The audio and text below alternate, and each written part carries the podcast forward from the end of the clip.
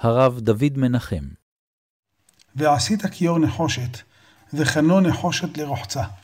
ונתת אותו בין אוהל מועד ובין המזבח, ונתת שמה מים. הכיור, הכיור מכשיר את העבודה. אי אפשר שהכהן ייכנס לעבוד בלי שירחץ את ידיו ואת רגליו בכיור. חלילה אם הוא עושה את זה, ימות. התורה מדגישה את זה פעמיים. בבואם אל אוהל מועד ירחצו מים ולא ימותו. או וגישתם אל המזבח לשרת להקטיר איש אל אדוני. ורחצו ידיהם ורגליהם ולא ימותו. והייתה להם חוק עולם לו ולזרעו לדורותם. אפשר לחלק כל רחיצה בעולם לשני חלקים.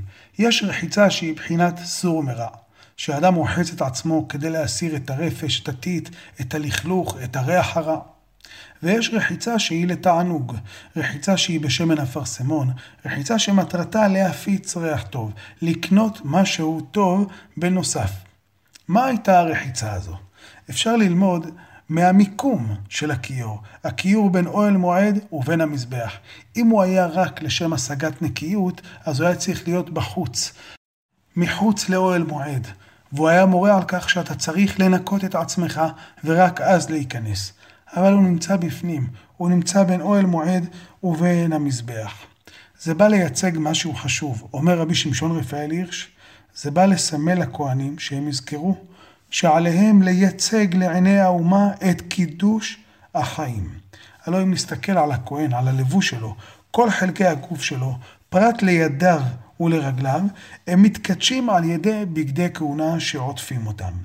לידיים ולרגליים אין כיסוי, לכן צריך לכסות אותם במי המקדש. אז הטעם הוא לא בניקיון ממשי.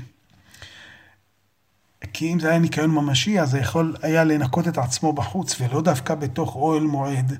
ויש לכך כל מיני דינים שמעידים על כך שאין מדובר פה על ניקיון בלבד, כי הכיור אינו מעכב, אבל המים צריכים להיות מעצם המקדש ולא מבחוץ.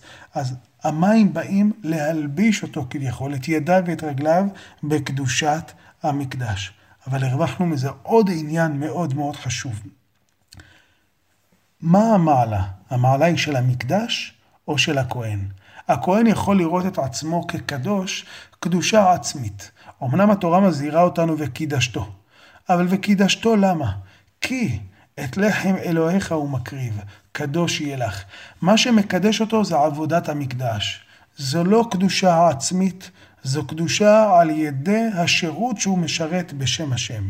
לכך, על ידי קידוש ידיים ורגליים, הכהנים בעצמם מודים בעליינותו של המקדש.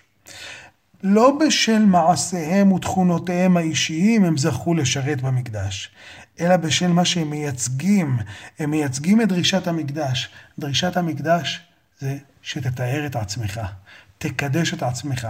לכן גם לפני העבודה וגם אחר העבודה הם מקדשים ידיהם ורגליהם. זה סמל לעם ישראל. תתבוננו בכהנים, תרחצו את עצמכם, רחצו, היזקו, הסירו רוע מעלליכם מעל ידיכם. זו רחיצה אחת, רחיצה של סור מרע. ויש עוד רחיצה, רחיצה שהיא בחינת עשה טוב. לא רק שעזבת ונטשת את הרע, אלא אתה מכין את עצמך לקבל אורות עליונים גבוהים יותר. כך הרחיצות של הכהן מסמלות לנו את הדרך המוסרית, הרוחנית, של התעלות האדם בקודש ובחול.